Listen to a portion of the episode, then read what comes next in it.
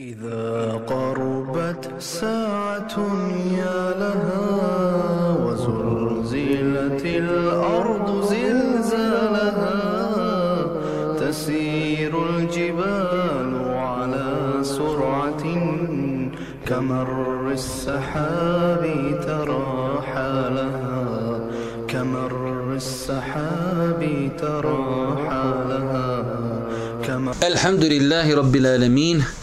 والصلاة والسلام على أشرف الأنبياء والمرسلين نبينا محمد وعلى آله وصحبه أجمعين رب اشرح لي صدري ويسر لي أمري واهل العقدة من لساني يفقه قولي Doista svaka zahvala pripada uzvišom Allahu te baraka ta'ala, salavat, mir i selam na Allahu poslanika, Allahu miljenika Muhammeda, alaihi salatu wasalam, njegovu častnu porod, uzorte ashabe i sve ljude koji slijede put istine u sudnjega dana. Još sam malo Ibrahime naprijed, vi koji ste kasnili, džaba je, vama će biti tamo da da sjedite kod špajza. Šta ću vam ja? Da ne reknem kod WC-a, već kod špajza. Evo nas, braćo moja draga, još jednom predavanju gdje se družimo sa čitanjem knjige Vjerovanju sudnji dan od šeha autora Alija Esalabija. U proteklom dersu smo govorili o predznacima sudnjeg dana, pa smo rekli da islamski učenjaci dijele predznake sudnjeg dana na velike i mali. Rekli smo su mali predznaci sudnjeg dana, oni predznaci koje je Boži poslanik nagovijestio, ali jednostavno mogu se i desiti i dešavati mnogo prije sudnjeg dana, za razliku od velikih predznaka sudnjeg dana koji će se desiti baš neposredno pred sami sudnji dan. To je neka glavna odrednica razlike veliki preznaci sudnjeg dana i mali. Rekli smo da postoji vjerodostojna diza, Allah poslanik rekao veliki predznaci alameti sudnjeg dana su poput nekog tespiha, znači na kojim postoje bobci, kada se prekine taj tespih, oni će padati jedni za drugima kao što bi e, znači bobci padali sa tespiha. Autor nam je počeo govoriti o preznacima sudnjeg dana o silasku Isa alihi salatu wasalam na zemlju. Pa ćemo mi na početku spomenuti da određene stvari kako muslimani vjeruju u Isusa, u Isa alihi salatu wasalam. Prije toga postoje otprilike neki velikih deset preznaka sudnjeg dana, Autor se nije držao nikakvog nekog redoslijeda, iako postoji znači jako razilaženje kod islamskih učenjaka u pogledu redanja tih velikih predznaka sudnjeg dana, ne postoji nigdje precizirano, definisano, e ovako će se oni dešavati. Jer jednostavno određene stvari se pokušavaju, primjer radi Isa alaih salatu selam će sići i ubiće Deđala, što znači Deđal je poslan prije njega. A nakon Isa alaih se selam nastup će problem sa Đuđom i Đuđem i tako da kroz značenje određenih hadisa učenjaci su pokušali da poredaju, ali ne postoji neko, hajde da kažemo, redoslijed se kaže, e ovo je redoslijed i ovako se moraju red, e, znači, veliki predznaci dešavati. Kada je u pitanju Isa, alaihi salatu wasalam, mi muslimani vjerujemo da će se pred sudnji dan spustiti sa neba i da će na zemlji ostati sedam godina.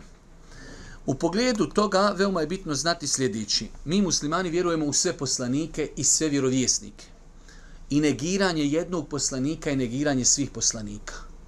Pa kao što vjerujemo u Muhammeda, u Musa, u Davuda, u Saliha i tako dalje, ostale poslanike, vjerujemo u Isa ili Isusa, da je on bio Allahu subhanahu wa ta'ala odabrani rob i da je bio Allahu poslanik. Svi poslanici su bili iz roda ljudi. Šta to znači? Bili su prvenstveno svi muškarci, ne postoji u historiji čovječanstva da je e, žena ikada bila poslanik. I s druge strane, svi su bili insani, znači nisu pri sebi imali nikakva božanska svojstva. I Isa alaih salatu wasalam, Allah Đeršanu ga u Kur'anu opisuje da je on sa svojom majkom išao, hodio po pijacama i da je jeo hranu, što znači e, samim tim se isključuje da ima pri sebi bilo kakva božanska svojstva. Svaki poslanik, Allah Đeršanu je davao svakom poslaniku određene nadnaravne stvari, takozvane mu'đize, nadnaravne stvari, zbog kojih bi ljudi dodatno vjerovali u tog poslanika.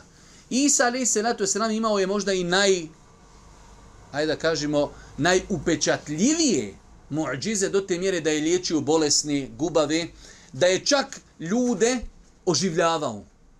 Ali zato je došlo uh, Eh, u više kuranski ajeta, Allah Žešan kad o tome govori, kaže, bi izni sa Allahovom dozvolom. Pa je to samo muđiza. To je nadnaravno dijelo koje Allah Žešanu dao poslaniku, a ne da je to njegova moć.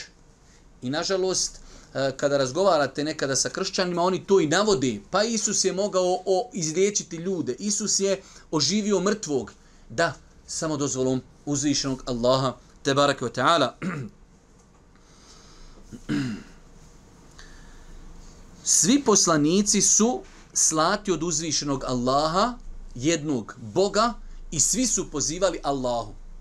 Znači ne postoji drugo božanstvo osim Allah te barek ve taala koji zaslužuje da se njemu ibadeti čini i on je kroz historiju od Adem ali se ratu selam pa sve do Muhameda slao poslanike shodno vremenu i prostoru shodno potrebi čovječanstva za poslanicima. Svi su oni pozivali monoteizmu. Ovo, pazite, sve govorimo zato što kršćani imaju drugačije poglede na ova pitanja. Kršćani imaju drugačije poglede, poglede na ova pitanja, pa mi muslimani treba da znamo kako musliman vjeruje u Isusa. Isa alaih salatu wasalam je Allahov rob i Allahov poslanik. Ništa više od toga. Rodila ga je majka bez oca. I to je ta jedan problem uh, u koji su zapali kršćani. Kako to da je rodila ona Isusa, Merjema, Merjem, da je rodila Isa ali se ratu selama bez oca, ali je to opet uh, Allahov kader, Allahova odredba. Adem ali se ratu selam je nastao i bez oca i bez majke. Tako da uh, imamo pod navnim znacima još čudniji događaj u historiji, pa nikad niko Adem ali i salatu selam nije smatrao Bogom. Mi muslimani vjerujemo da Isa ali i salatu selam sodno Kur'anu niti je ubijen niti je razapet. Wa ma qataluhu wa ma salabuhu, walakin shubbiha lahum. Niti je ubijen niti je razapet, ali im je se pričinilo. Uzišnji Allah te barek vetala jasno kaže u Kur'anu, Allah ga je uzdigao sebi i to je ta veza sa ovim našim predavanjem, uzišeni Allah će ga pred sudnji dan znači bit će spušćen Isa alaihi salatu wasalam. jedna od glavnih zadaća zbog koje je spušten Isa alaihi salatu wasalam, između ostalog jeste i ubistvo Dejjala. Dejjal će biti, o tome ću večeras govoriti, jedno od najvećih iskušenja historije čovečanstva. Isa alaih salatu wasalam će riješiti čovečanstvo tog problema, da će ga on svojim kopljem ubiti tamo negdje u predjelima Palestine, selo se zove ili mjesto, kako je Boži poslanik rekao, Babu Lud. Nakon toga će Isa alaih salatu wasalam umrijeti kao i svi drugi ljudi i muslimani tog vremena će im klanjati dženazu. Isa alaih salatu wasalam će živjeti po šerijatu Muhammeda alaih salatu wasalam i zato je došlo da je Muhammed posljednji poslanik i pečat poslanika Isa alaih salatu wasalam će živjeti po šerijatu Muhammeda alaih salatu wasalam slomit će krst i ubiće svinju i podiće propis džizije podiće propis džizije, znači, a opet ove sve stvari idu u pravcu da pojasni neispravnost kršćanstva, slomiće krst kao negacija neispravnosti kršćanstva i ubiće, znači, svinju. Svakako da će se na sudnjem danu Isa alaih salatu wasalam odreći svih oni koji su ga smatrali Bogom, kao što Allah Žešanu o tome govori u suri eh, El Maide. E, ente kulta lin nas. Jesi li ti govorio ljudima da tebe smatraju Bogom? i moju ma i njegovu majku, pa će Isa ali se letu selam e, kazati da to nije radio. Kaže nam autor silazak poslanika Isa s neba na zemlju kao veliki preznaci sudnjeg dana. Rekli smo imamo mali preznake, imamo velike preznake sudnjeg dana, veliki preznak sudnjeg dana. Rekli smo su to već velike pojave do te mjere da imate čak rivajeta da je došlo svakako za povrata pola, izlazak sunca sa zapada, tada se više teuba ne prima. Ali čak ima rivajeta da i deđal kad se pojavi, Isa kad se spusti gotovo, više ljudi kad vide i gotova stvar, iako Allah najbolje zna, znači eh, izlaskom sunca sa zapada, Kur'an nam jasno o tome govori, hadis Božih poslanika, više teuba se ne prihvata. Tada će, kaže, svi ljudi povjeru. Sad mi vjerujemo da ono što su muslimani govorili istina. Sunce izišlo sa zapada. E, gotovo, gdje si juče bio? Znači, do juče se primalo pokajanje, kad sunce izađe sa zapada, više se pokajanje neće primati, zato što je to toliko jasan znak. Muhammed prije 1600 godina govorio da će sunce izaći sa zapada i izišlo sa zapada. Završena stvar. I zadnja stvar koja je mnogo bitna, vidjet ćete ovdje u ovim predznacima velikim, da imaju određene stvari koje su velike i kosmičke promjene, ali mi muslimani samo kažemo, čuli smo i pokoravamo se. Čak je bio dio učenjaka koji su pokušali nekim ovim pitanjima preznaka sudnjeg dana pristupati racionalno. Pa kako sunce da iziđe sa zapada, pa kakav Mehdija, pa kakav ono, kako vatra da ljude goni i tako dalje. Mi u to vjerujemo, je to rekao Muhammed alaihi salatu wasalam, koji ne govori po hiru svome, zabilježeno sa vjerodostojnim lancem prenoslaca. Pa u ovim pitanjima nema prostora za razum. U smislu razum. Možeš ti to razumjeti, ali jednostavno, kako će to biti? Kako će sunce izaći sa zapada? Tako kako je rekao Muhammed alaihi salatu wasalam. Pa kaže nam autor, sila za poslanika Isa alaihi salatu wasalam pred smak svijeta ustanovljen je na uzvišenim kuranskim ajetama i pouzdanim poslanikovim hadisma koji se prenosi kao mutevatir predaje. Autor počesto ovdje spominje ovaj moment kao mutevatir predaje zabilježeno da će Isa alaihi salatu wasalam pred kiameski dan biti spušten. K tome i njegov se silazak s neba ubraja u velike preznake sudnje e, smaka svijeta. Ovdje ćemo navesti ajete i neke hadise koji govori o tome.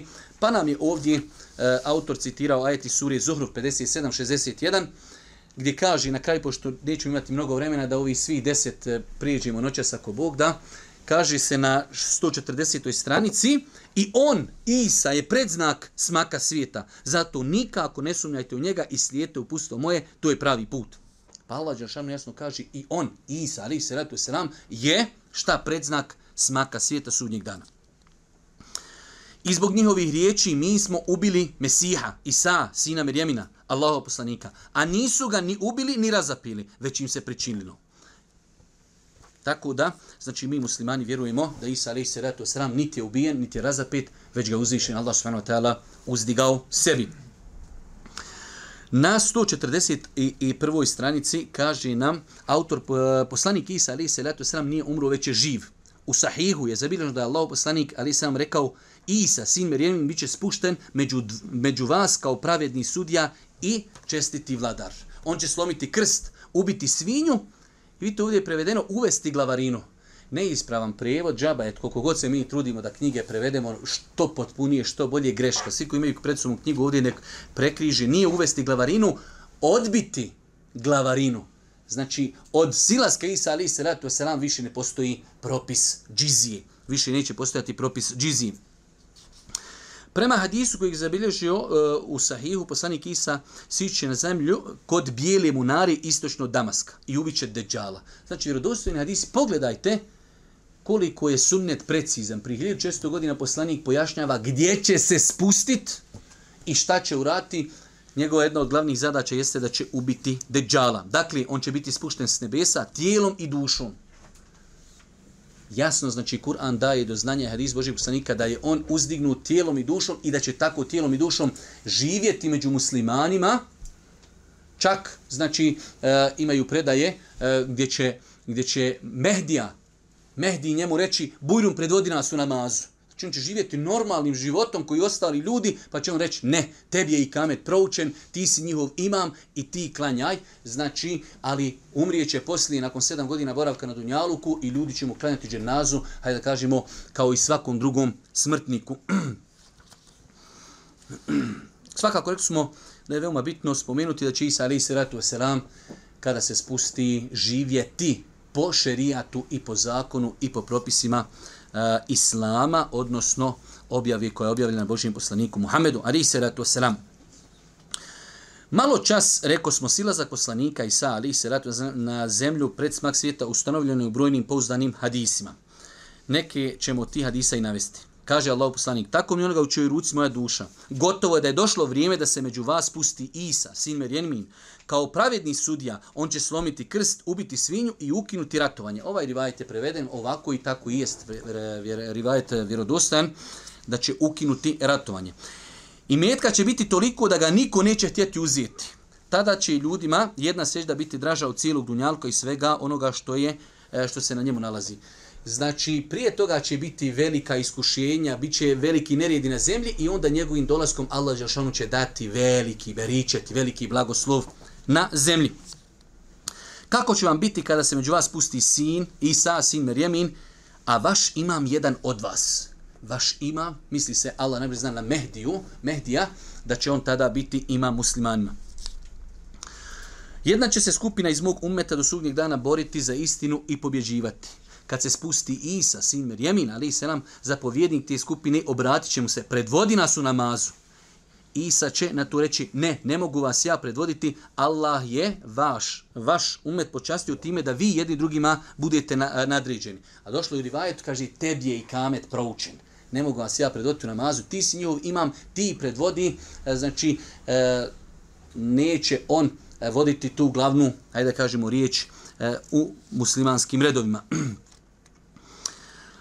pa je sastavni dio ispravnog vjerovanja da mi muslimani vjerujemo da će Isa ali se ratu pred kijametski dan biti spušten. Zato je rekao imam Tahavija wa nu'minu bi ashrati sa'a min khurudi min khuruji dajjal wa nuzuli Isa min as-sama.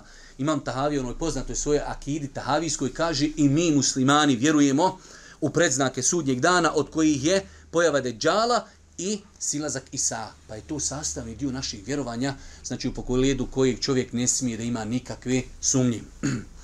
Nakon toga drugi veliki predznak sudnjeg dana jeste pojava jednog velikog, čudnog, opasnog naroda koji se zove Jeđuđ i Međuđ. Spomenuti u Kur'anu i hadisima Božih poslanika, alihi salatu wasalam, jedan izuzetno čudan i opak narod.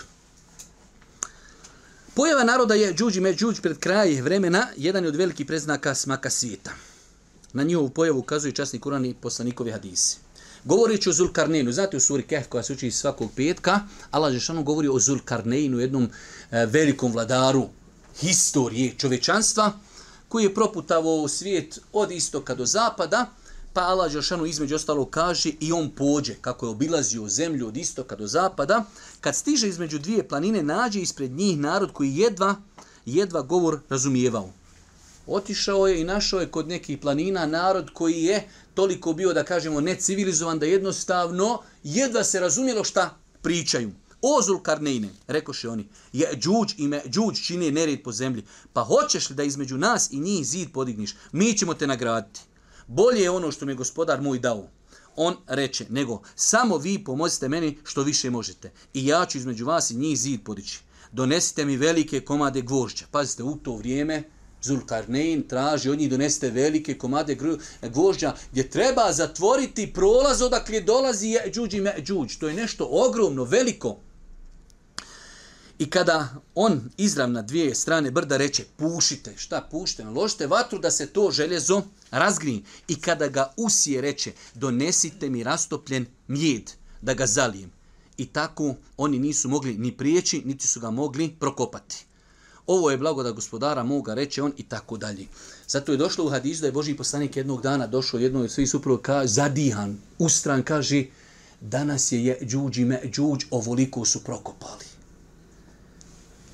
taj čudesni narod koji će se pojaviti pred sudnji dan, za vrijeme Božijeg poslanika već su na toj brani koju je između civilizacije i ljudi i je džuđa i Međuđa napravio Zulkarnein, znači oni su prokopali jednu malu rupu. A to je jedan čudan narod do te mjere da je došlo u Vjerodostojna Disma kad se pojavi. Sve će uništavati pred sobom. Pa će proći pored Taberijskog jezera, koji danas dan postoji, prvi kad prođe, on će pit, znači slano, nema šta, piju sve živo, onaj zadnji kad dođe kaže, ovdje je kod je nekad voda bila. Sve živo. Znači, to će biti jedan veliki nered na zemlji, će Allah Žešanu i Sao Ali se ratu sam nareti da se sa mu'minima povuče na tur. I kaže Boži poslanik, tada će biti tolika nestašica da će glava jednog bika vrijediti stotinu dinara stotinu dinara, jedan dinar je 4,5 grama, znači e, 450 grama zlata će vrati, e, vrijediti samo jedan bik. E, pa je to jedan čudan narod. Boži poslanik je rekao u vjerodostojnom hadisu da će se reći na sudnjem danu o Ademe, ustani i odvoji skupinu za vatru. Pa će reći Adem koliko, Boži, e, koliko gospodaru kaže od svako hiljadu po, po jedan. Odnosno od svako hiljadu 99, 999, a jedan samo za džennet. Pa je to sahabima teško palo. Ja, Rasulallah, ko je taj jedan? Ko će se spasiti? Pa je onda Boži poslanik im to spomenuo, kaže, od je, džuđa i me, džuđa će biti po 999 za vatru, a od će biti jedan za džennet. Tako da je to jedan ogroman narod, jedna ogromna civilizacija. kaže, i kada se otvore je džuđi me džuđ, i kada se ljudi budu niz sve strmne žurno spuštali i približim se isti, istinta prijetnja i tako dalje. U svakom slučaju autor ovdje spominje samo argumente koji ukazuju da u Kur'anu i sunet Božih poslanika se govori o je džuđu i me džuđu. Znači, od prilike, od prilike kako se može po hadisma shvatiti, prvo će se pojaviti Mehdi, nakon toga e, će doći Isa, ali se koji će klanjati za njega, E, nakon Isa će se pojaviti Dejjal koji će ubiti, e, koji će ubiti e, Isa, nakon toga dolazi e, pojava je Džuđa, ime Džuđa. Navedeni kuranski ajet pokazatelj, pokazatelj su toga da je Svevišnji Allah odredio da Zulkarnein, dobri vladar, između naroda je Džuđa i Međuđa i ostalog svijeta podigne golemi zid kako bi te narodu sklon, sklone narodu ispriječio u činjenju zla. O pojavi je džuđa i međuđa govori se u mnogim hadisima. Evo, to je onaj hadis Umu Habiba prenosi od Zineb ibn Đaš da je pričala jednog dana Allahu poslanik ušao je u moju odaju, prestravljen govoreći nema Boga osim Allaha, teško Arapima, zbog zla koje se približio. Danas je zid je džuđa i međuđa uvoliko otvoren. Poslanik Ali Selam demonstrirao je to napraviši halku, kaži prsta i palca. Dalje Zajneba pripoveda, upitala sam Allahu poslaniće, zar ćemo biti uništeni? Znači, oni ako se pojavi, to je uništenje. Ona je od nas shvatila. Pa kaže Allahu poslaniće, zar ćemo biti uništeni? A među nama ima dobrih ljudi? Da. Bićete uništeni onda kada se rasprostrani na valjaština. Odgovorio je Allahu poslanik alihi salatu wasalam. U svakom slučaju, znači, pojava je džuđa i me džuđa je jedan od preznaka sudnjeg dana. Oni su u osnovi iz potomstva Adema, ali se reto, nisu to neka, da kažemo, stvorenja koja nisu iz vrste ljudi, ne. Oni su iz vrste ljudi, čak u nekim rivajetima i opisima stoji da su znači slični Tatarima, da su slični Mongolima, znate kakav je, kakav je musibe čovječanstvo zadesilo od Mongola i od Tatara.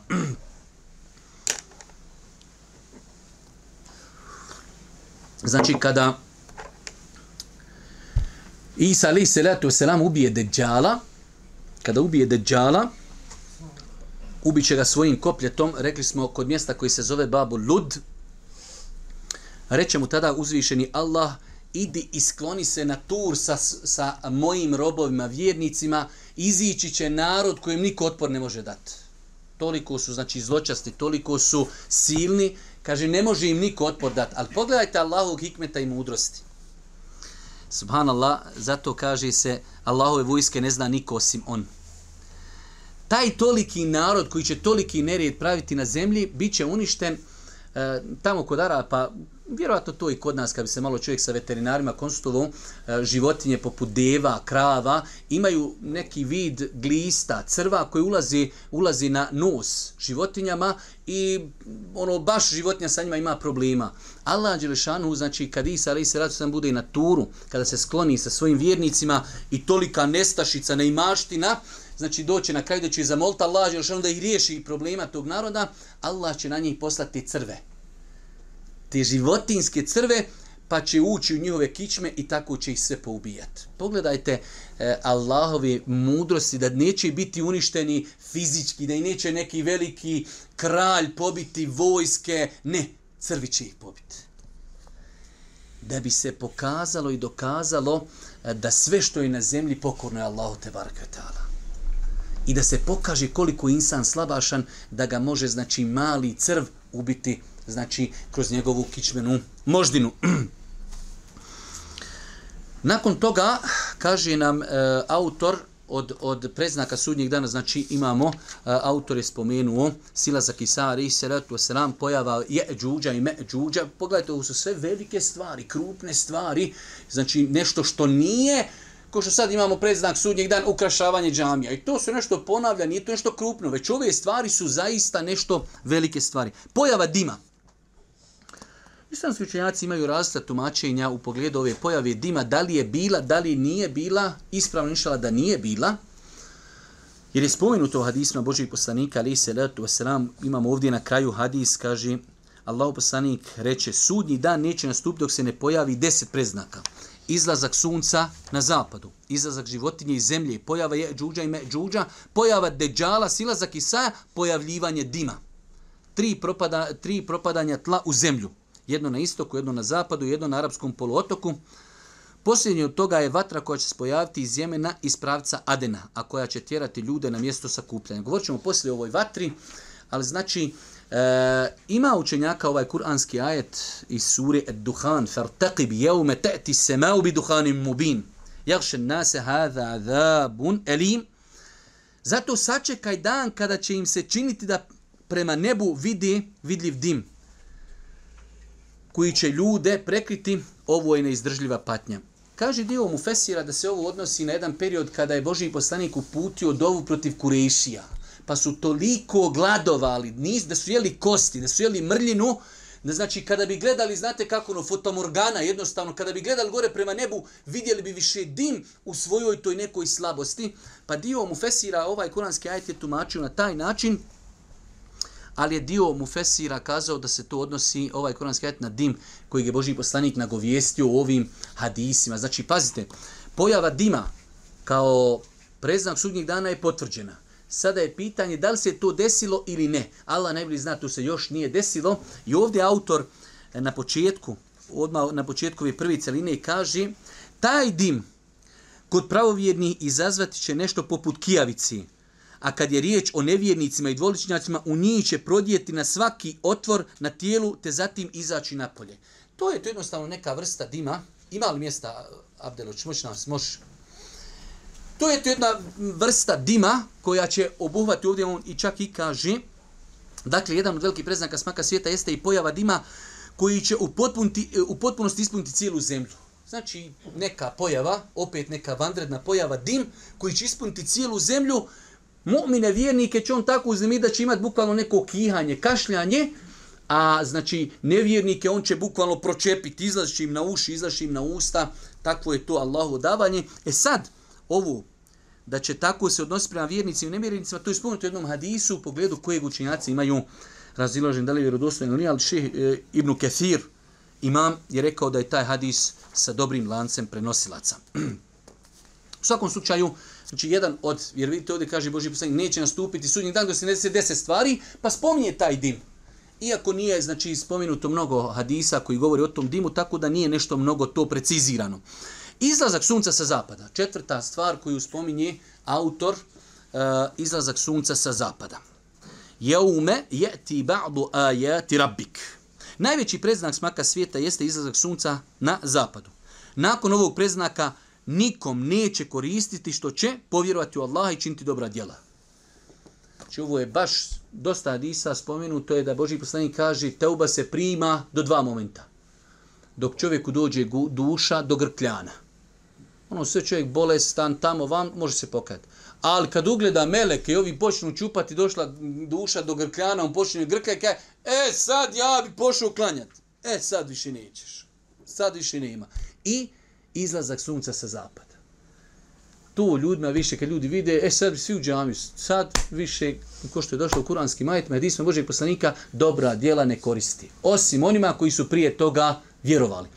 Pa je izlazak e, sunca sa zapada jedan e, velik kosmički događaj, ali isto tako, e, znači, zasnivaju se na njoj mnoge stvari od kojih je da se više teuba i pokajanje neće primati. Osim što je bio stav jednog dijela učenjaka koji su kazali ako ljudi ostanu živjeti posle izlaska sunca još dugo, pa se to zaboravi, pa dođu generacije koje ne pamti izlazak sunca za zapada, e oni će imati pravo na teubu, ali oni koji su prisustvali, vidjeli, takvi se ljudi ne mogu više pokajati, njihovo pokajanje se ne prima. Najveći preznak smakla svijeta jeste izlazak sunca na zapadu nakon ovog preznaka nikom neće koristi što će povjerovati u Allaha i činiti dobra djela. Svevišnji Allah spomenuje ovaj preznak u Kur'ani Kerimu kada je rekao Zar oni čekaju da im meleki dođu ili gospodar tvoj ili neki predznaci od gospodara tvoga onog dana kad neki predznaci od gospodara tvoga dođu E, on, kada dođu predznaci od tvog gospodara, misli se ovdje na izlazak sunca na zapad, jer je to tako protumačio Božji poslanik. Imate određene ajete koje je Božji poslanik za svog života protumačio. Ove ajete je Božji poslanik protumačio da se ovdje misli kada sunce izađe sa zapada. Šta će biti? Onog dana, kad neki predznaci od gospodara tvoga dođu, ni jednom čovjeku neće biti odkoristi to što će tada vjerovati. Ako prije nije vjerovao ili ako nije kao vjernik kako dobro uradio jasan ajet da ljudi nakon toga džaba će im biti vjerovanje i dobra djela. Osim ako su prija vjerovali i dobra djela, dobra djela činili. Zato kaže ovdje autor, prema pouzdanim hadisima, Allahove riječi onoga dana kad neki predznaci od gospodara tvoga dođu, odnose se alikum selam. Odnosi se na izlazak sunca na zapadu, što je stav i većini mu fesira. Golf ovaj ovdje žali se jedan stanar, ako može samo njega da pomjerite. Može, može, svakako. morat sve onda. Nemoj, paša, nemoj, evo to ćemo, baci, sad ćemo ga doza kotrljati. Ne sekiraj se. Živi zdrav bio. Mi smo svi iz džamije govorili ovom bratu da on golfa skloni, ali eto nije on nas poslušao, da ga Allah nagradi. Brate, sa mnom pali svjetlo. Eto je to. Pa je znači, po mišljenju mu Fesira, ovaj ajet, odnosno njega je Boži poslanik u vjerodostojnim hadisima spomenuo da se ovaj ajet odnosi na izlazak sunca sa zapada, kada ljudi to vide, svi će povjerovati. Svi bi tada vjerovali i svi bi radili dobra djela, ali to neće, znači neće biti... Ali, selam, Prelazimo na stranu 147, kaže, od brojnih hadisa u kojima se govori o ovom predznaku sudnjeg dana, navešćemo ovaj, Ebu Hureyre, radi Allahom, prenio je da je Allah poslanik rekao, sudnji će dan nastupiti tek onda kad sunce izađe na zapadu. A tad, e, a kad tamo izađe i ljudi ga vidi, povjerovat će svi oni koji su na zemlji. Subhanallah, pa normalno, gotovo više, nije gajb, gotovo. Sad svi vide svaki dan istok, zapad. Zapad-istok. Sad kažu, daj nam Buhariju, sad bi mi vjerovali. Kasno, Marko, onako se ovo stiži. Gdje si prija bio dok je to bio gajb? Sad gotovo više nije gajb, sad svi vjeruju. Pa kaže, a kad tamo izađe i ljudi ga vide, povjerovat će svi oni koji su na zemlji. A to je onaj, ga, to je onaj dan kad ni jednom čovjeku neće biti od koristi to što će tad vjerovati. A Ako prije nije vjerovao ili ako nije kao vjernik kako dobro uradio. pa je znači e, izlazak sunca sa zapada jedan veliki kosmički događaj. Nešto što će vidjeti sva planeta.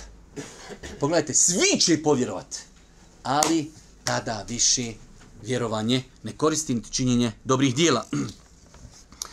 Nakon toga, autor nam spominje od preznaka sudnjeg dana, samo da vidimo koliko imamo još vremena, izlazak životinje iz zemlje. Izlazak životinje iz zemlje. U vezi s ovim preznakom smak svijeta, Allah Đelšanuhu objavljuje.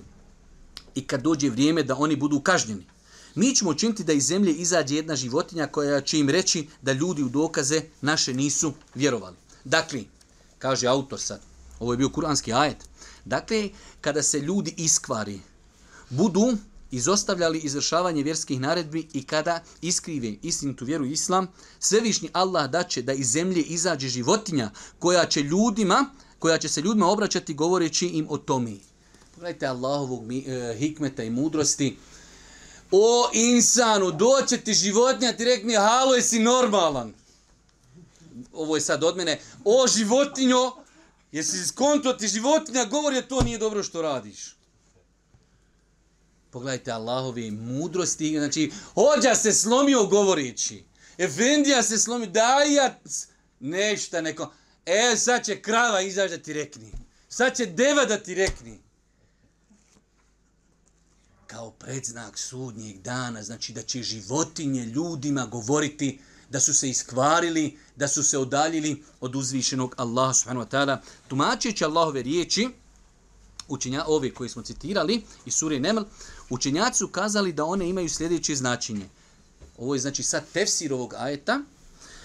Kad dođe vrijeme da ljudi zbog upornog i prekomjernog griješenja u toj mjeri da im ne koristi ni savjet ni opomena i zbog otuđivanja od Kur'ana, zanemarivanja razmišljanja o njemu i zanemarivanja njegove praktične primjene u životu, dakle, kad dođe vrijeme da budu zbog svega toga neizostavno kažnjeni, uzvišeni Allah da će da iz zemlje izađe životinja koja će im se, ob, e, koja će im se obraćati. Sve mogući Allah da će da se iz zemlje pojavi životinja koja ima razum i moć govora. A životinje, kako se zna, nemaju razum niti moć govora. Kako bi ljudi znali da je to Allahovo znamenje i preznak sudnjeg dana. Znači osnova je da mi kad vidimo životinju znamo da ne priča. Ali to kad se pojavi, to je već gotovo. Rekli smo, veliki preznać sudnjeg dana su velike promjene. Velike, velike promjene. Tu je ovaj poslanikov hadis koji prenio Ebu Hureyra radi Allah po dobrih dijela prije šestero. Izlazak sunca na zapadu, pojave dima, pojave deđala, pojave životnji, smrt i sudnje, smrti i sudnjeg dana. U svakom slučaju, od preznaka velikih preznaka sudnjih dana jeste i pojava e, ove životinje. Sad, e, gdje će se pojaviti, koja je to vrsta životinje, e, ima mnogo govora islamskih učenjaka o tome, ali nije to definisano, tako da e, ono što mi muslimani vjerujemo jeste da će Allah Žešanu pred sami sudnji dan dati da životinja govori i da ljude upozorava. Nakon toga jedan veliki predznak oko kojeg postoje napisane zasebne knjige, zasebna dijela, u pogledu kojeg postoji baš mnogo priče, jeste pojava Mehdije. Pojava Mehdije.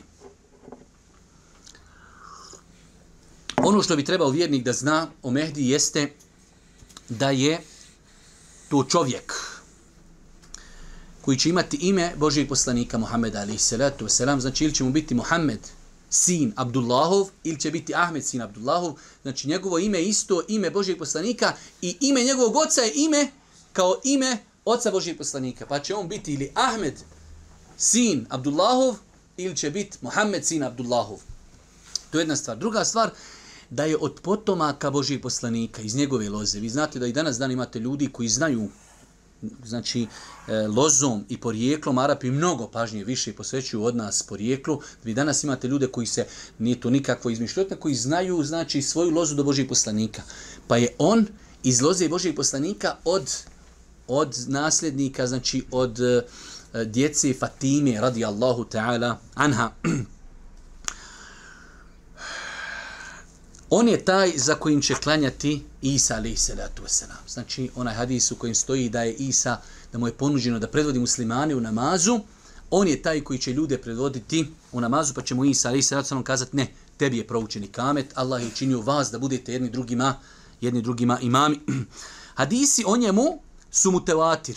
Hadisi o njemu kao o značenju njega, kao o značenju njega su mutevatir hadisi. o njemu su, znači, određeni učenjaci kroz istoriju od prvih generacija pisali su zasebna dijela u kojima su pokušali objediniti hadise koji govori o Mehdiji. Ne treba da nasjedi imate u savremenom dobu učenjaka koji su učenjaka, ljudi, naroda, planeti, koji su negirali pojavu Mehdi je jedan od dokaza kao nije Buharija i Muslim zabilježili jedan hadis o tome. Što je neispravna na percepcija i pristup tom pitanju, ni imam Buharija, ni imam Muslim se nisu obavezali da će objediniti sve vjerodostojne hadise. Znači kada vam neko kaže, vidi, o tome nema hadis u Buhariji, prvo pitanje, ima li negdje da imam Buharija obećao da će objediniti sve hadise sahih u svojoj zbirci? To je jedan. Druga stvar, hadis može biti apsolutno vjerodostojan, ali ne ispunjava uvjete Buharije, pa ga Buharija nije spomenuo. Ali su ga spomenuli ostali prenosioci sunena i drugi musneda, tako da je to jedna izuzetno jeftina šubha koju može progutati neko ko nema ilma i znanja. To što one ćemo hadisi, e, čak na kraj krajeva, primjer radi, Deđal nije spomenut u Kur'anu, direktno. Da li to sad nešto znači? Pa nije spomenut u Kur'anu, spomenut u hadisima. Mehdija nije spomenut u Buhari i Muslimu, spomenut u drugim hadijskim zbirkama. Tako da ne treba nasjedati na takvu priču. Znači, eh, hadisi koji govore o Mehdiju nisu u Buhari i Muslimu. To uopšte znači, ne, eh, ne čini određen hadis neprihvatljiv, zato što imate koliko hoćete hadisa koji su vjerodostojni, stotine hadisa, stotine hadisa koji su vjerodostojni, koji nisu kod imama Buhari, koji nisu kod imama muslima. Tako da e, ne smije se prihvatati ta činjenica, znači nikada ni Buharija ni Muslim nisu rekli da će objediniti sve hadise vjerodostojne. Na druge strane imamo dosta vjerodostojnih hadisa koji su vjerodostojni, ali nisu ispunili Buharije, ne uvjeti Buharije su uvjeti desetke samo. Imaš 9,8 desetka, sam more proći završena stvar. 9,8 to, to dobra ocjena fakultetska. Ali kod Buhari ne prolazi, kod njeg samo desetke prolazi.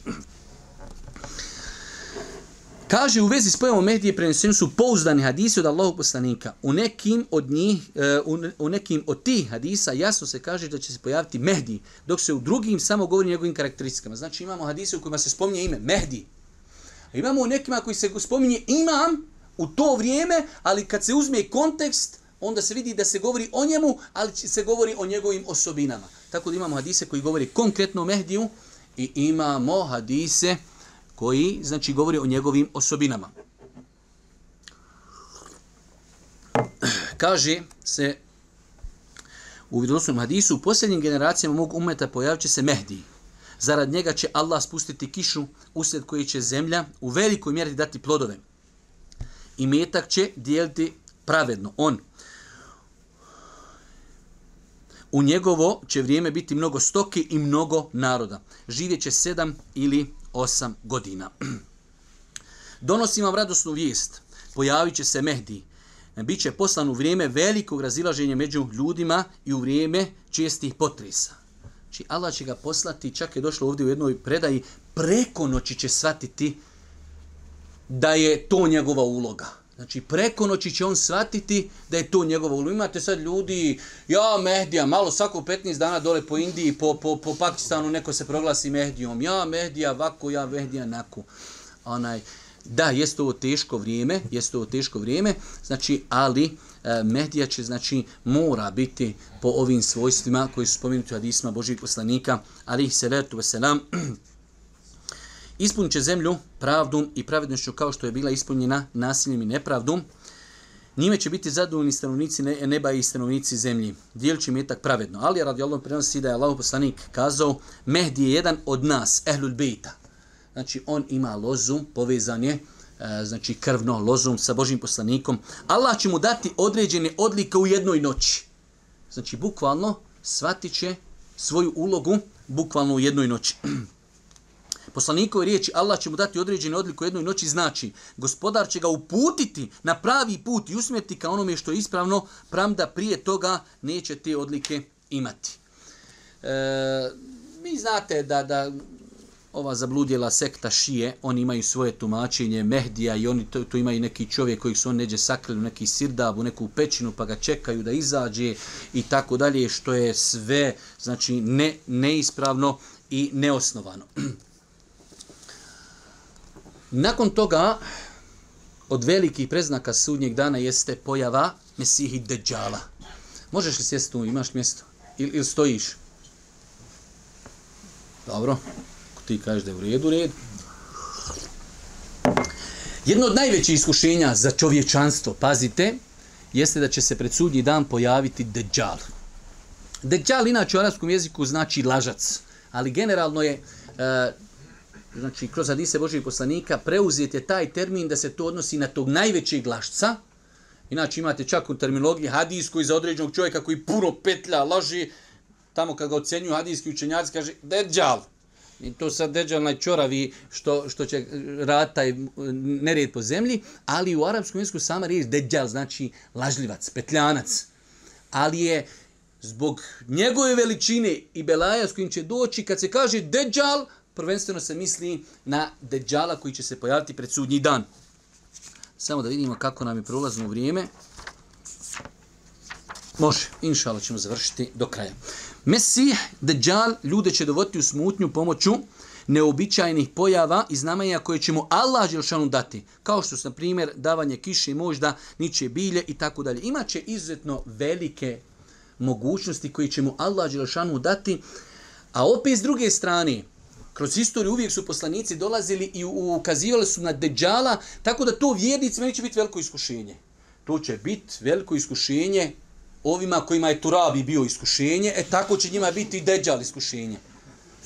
Tako mi ono, meni je najbitnije bilo, najjasnije sam mogao shvatiti kako to će se doko ljudi piše deđalu kjafir na čelu i ljudi za njim idu. Kad sam vidio šta ljudi radi s Turabijom, onda mi je bilo jasno, znači samo obori glavu i to je to kad on instalira svoje programe i kad on ljudima prodaje maglu. E tako će i Deđal prolja, prodavati maglu nevjernicima i prodavat će maglu džahilima, neznalicama, ljudi koji nikad u životu nisu čitali o preznacima sudnjeg dana. Ako je imalo znadnje, čovjek za sebe kaže i Bog. Ne uzubila. Mi muslimani vjerujemo da se Bog ne može vidjeti na dunjalku. Odmah kažeš X, sikter. Drugo, čorav čovjek.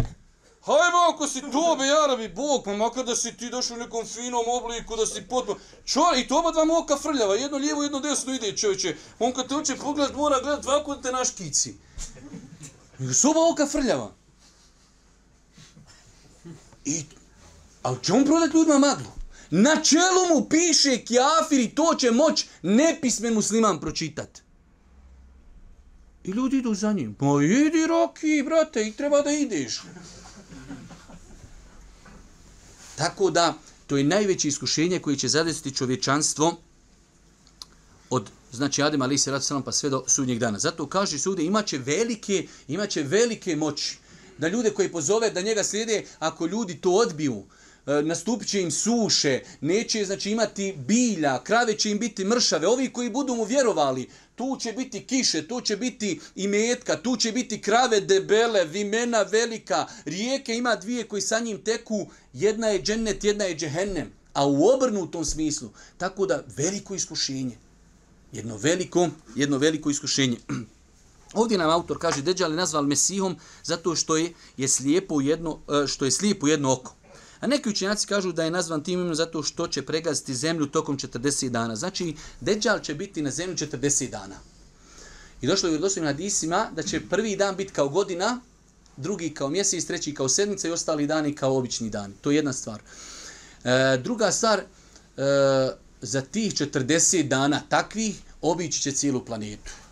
I došlo je u hadisima Božeg poslanika, kaže, njegova brzina će biti kao Eh, oblaci koje goni kiš, koje goni, znači, znate kada pušne, puhne vjetar, pa kako kiša ide. Sad iz Sarajeva dole u visokom i ode. E tako će njegova biti, njegova brzina biti velika. Kada kažemo Deđal, podrazumamo Mesihi Deđala, nikoga drugog. Deđal je nazvan tim imenom zato što se, što će istinu neistinom prikrivati ili zato što će svoje nevjesto prikrivati lažima i zato što će zabludu koju poziva prikrivati mnoštvom oni što ga budu slijedili. Znači jedna od stvari što, kako će on dokazivati ljudima da je to istina, čemu je on, jeste pogledaj koji su za mnom ovi iz, uh, iz gore Zetri. Kaže, Deđal pripada ljudskoj vrsti. Isto, kao što smo rekli za je, i me, džuđ i Deđal nije nešto, da kažemo, da nije insan. Ne, on je insan kojim je Allah dao kao vid iskušenja određene velike mogućnosti, a s druge strane stavio je na njegovo tijelo određene mahane kako bi ljudi mogli shvatiti i prepoznati da je to varalca. Njime će biti zadivljen samo neznalce za koje je već određeno da će nesretni biti. Ovo su neke deđalove karakteristike. Biće mlad, crvenog tena, nizak, imaće bujnu kosu, nisko čelo, široka prsa, desno će mu oko biti prikriveno kožom, ni ispupćeno, ni udubljeno kao zrno grožici.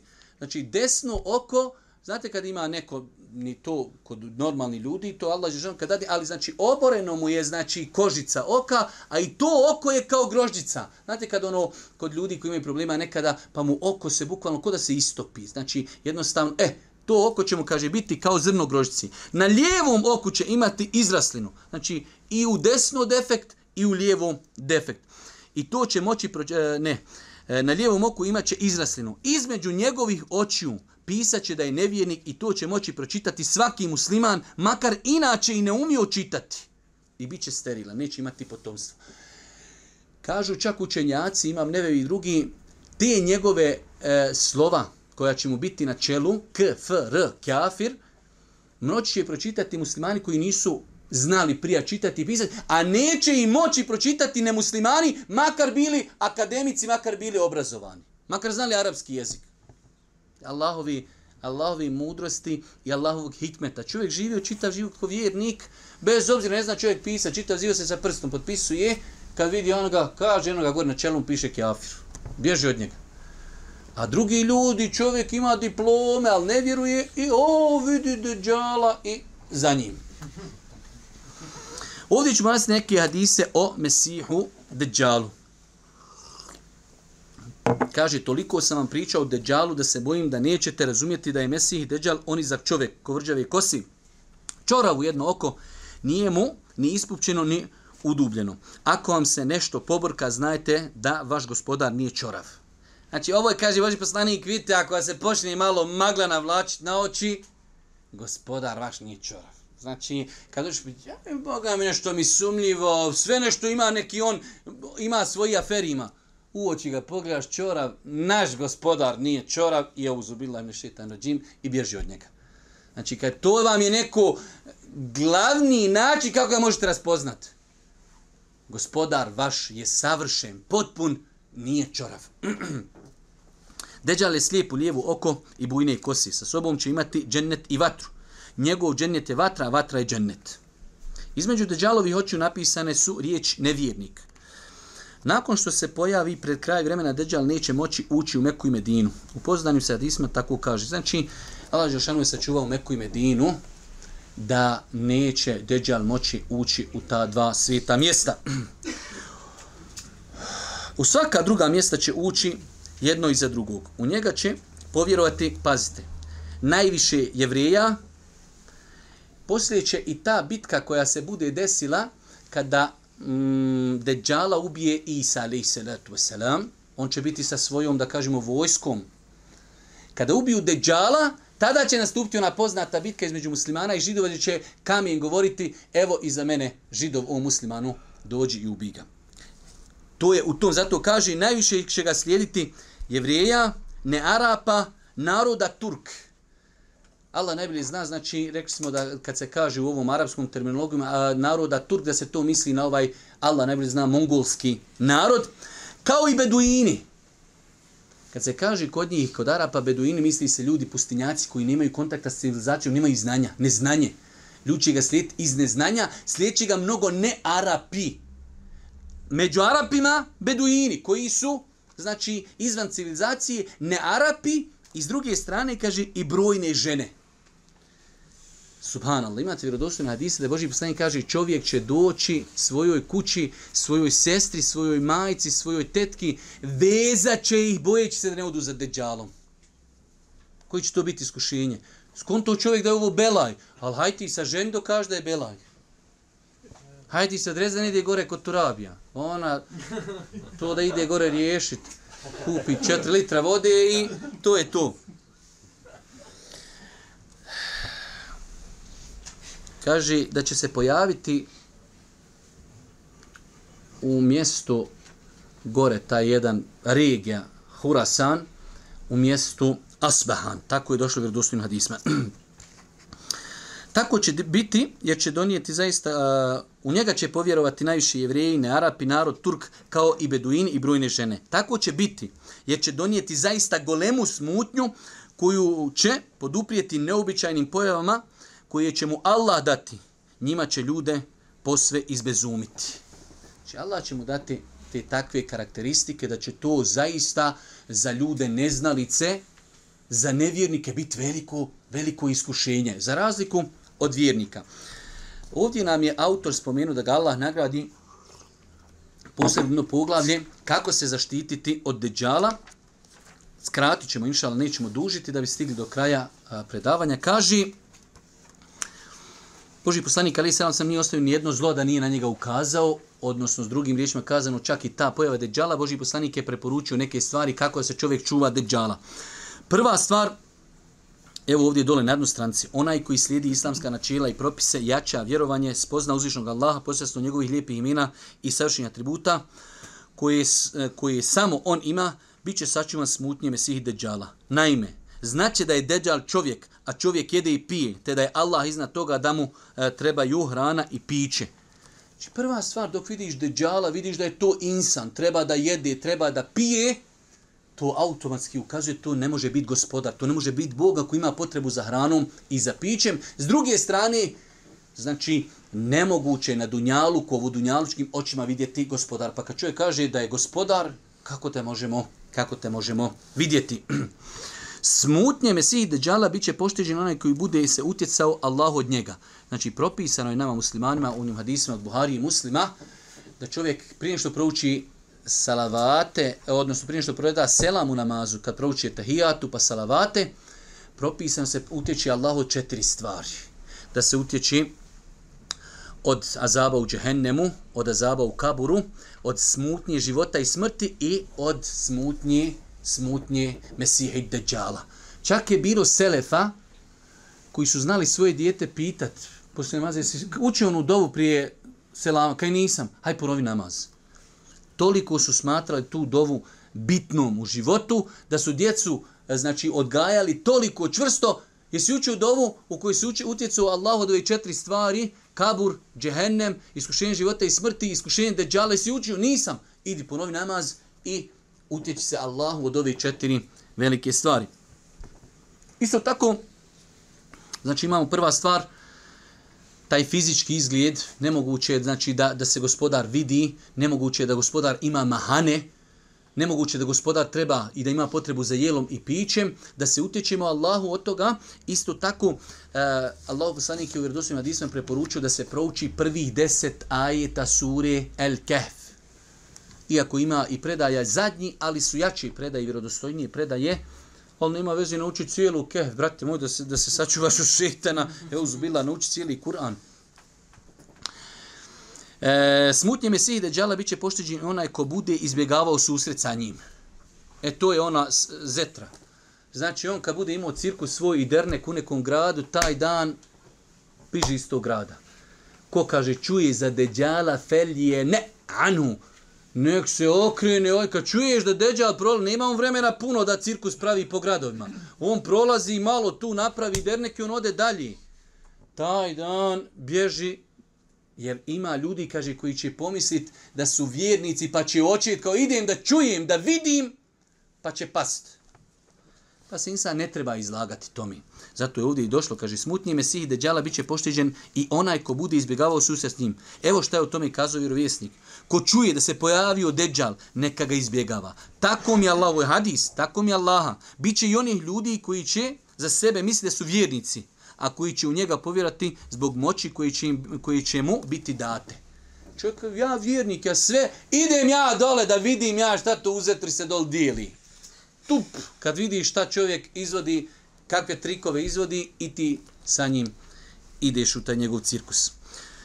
Kako se to kaže u poznanim hadisma, poslanik Isa alaih selam ubiće deđala i time okončati smutnju koju bude de donio.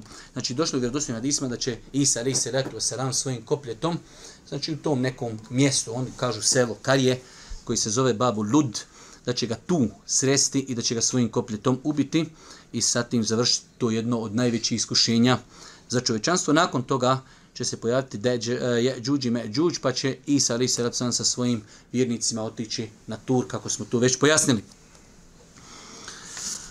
Još dva preznaka sudnjeg dana, kratka, ako Bog da, tri propadanja u zemlju. Znači, Če Allah poslanik ali se ratu sami nego Josif Vredosima nisma da se neće desiti sudnji dan dok se ne desi velika propadanja u zemlju. Zato učenjaci kada govori bilo je nekih, da kažemo, propadanja, vi vidite negdje se pojavi šta ja znam, neka manja rupa, ne kažu da će to biti velika, ogromna propadanja u zemlju koja će nagovijestiti nastupanje sudnjeg dana. Tri propadanja u zemlju, jedan su od velikih preznaka smaka svijeta. Huzeife, Ebnu Useid el Gifari radijallahu ta'ala priča, dok smo sjedili u hladu ispred posla, eh, sobi Allahu poslanika, ali se ratu salam, glasno smo spominjali sudnji dan. Čuvši to, Allahu poslanik reče, sudnji dan neće nastupiti dok se ne pojavi deset predznaka. Izlazak sunca na zapadu, izlazak životinje zemlje, pojava je džuđa i džuđa, pojava deđala, silazak isa, pojavljivanje dima, sve smo to pričali, tri propadanja tla u zemlju. Jedno na zapadu, jedno na istoku i jedno na arabijskom poluotoku.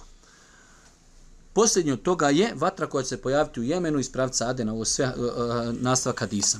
Kaže autor, ova propadanja u zemlju bit će širokih razmjera, razmjera i obuhvatiti će mnoga mjesta na istoku i zapadu zapadu zemlje, te na arabijskom polotoku. Kroz istoriju događalo se propadanja u zemlju u nekoliko mjesta, ali se čini da se navedeni hadisi ne odnosi na ta propadanja, nego na druga, veća i obimnija. Došlo u nekim hadisima, kaže, kad će se desiti ta propadanja, da je Boži poslanik rekao, desit će se kad se e, pojavi mnoštvo nemorala, kad se pojavi pokvarenost među ljudima i kad se pojavi grijesi. Da će se tada pojaviti ta tri velika propadanja e, zemlje na istoku, na zapadu i jedno na arabijskom polotoku. I zadnja stvar, znači vatra koja će se pojaviti u Jemenu, a nakon toga se proširiti i ljude okupljati u Šam. Ovo okupljanje nije okupljanje proživljenja, jer je došlo u proživljenju da će se ljudi proživjeti, da će biti i goli i bosi i neobrezani. Ovo je jedan od predznaka sudnjeg dana, znači da će vatra se pojaviti i čak je došlo u rivajetima, kaže, ići će za ljudima, I gdje oni legnu spavat, ne mogu više pješačiti, ona će tu spavati, odnosno pored njih goriti, sutra kad ustanu, ide za njima, ljude će okupljati, okupljati e, na mjestu mašera e, proživljenja, okupljaći ih u šamu. U velike preznake smrta svijeta ubraja se i golema vatra, koja će tjerati ljude iz Jemena, iz pravca Adena, prema mjestu sakupljanja na sudnjem danu. Huzeife el Gifari radijallahu prenosi da je poslanik sallallahu alejhi rekao sudnji dan neće nastupiti dok se ne pojavi deset preznaka pa smo to sve spomenuli malo prije. Prema drugoj verziji vjerovjesnik sallallahu alejhi ve rekao je posljednji od toga je vatra, poslije, znači ovo je kraj, gotovo više, znači e, vatra ide po cijelom e, kontinentu, po cijelom čovečanstvu, okuplja, okuplja ljude e, na mašer, kaže posljednji od toga je vatra, koja će se pojaviti iz Jemena, iz pravca Adena, a koja će tjerati ljude. To što će ova vatra pojaviti, to što će se ova vatra pojaviti u Adenu, na krajnjem jugu a, arabijskog polotoka ne isključuje činjenicu da će ljudi koji tada budu živjeli na istoku biti teran prema zapadu. U smislu, to je Allahov emer, Allahov kada da će se ta vatra pojaviti na tom mjestu, ali će se tada ona širiti na druge dijelove svijeta koji će narod, Allah najbolje zna, okupljati na spomenutom, na spomenutom mestu. Vatra će se pojaviti u Adenu i zatim će se rasp rasprostraniti te sve ljude tjerati na mjesto sakupljanja na sudnjem danu, pa i stanovnike istoka. Znači, e, i istok i zapad sve će biti obuhvaćeno obuhvaćeno time. Znači, rekli smo da ovo nije e, proživljenje, Tek sad nakon toga dolazi puhanje u rog, ljudi umiru, tek dolazi nakon toga proživljenje, tek nakon toga dolazi polaganje računa i zato je sljedeća stvar puhanje u rog. Znači nestanak dunjaluka, umiranje ljudi, puhanje drugo u rog, oživljavanje ljudi, ovo je samo znači okupljanje, okupljanje ljudi. Allah te barek ve taala molim da nas sačuva od svakog zla. Molim ga subhanahu taala da nas učvrsti na putu istine u ovim teškim vremenima. Molim vas subhanahu wa ta'ala da nam podijali korisno znanje i na kraju subhanike Allahumma da bihamdike šedu in la ila instakfiruke u etubu ilik.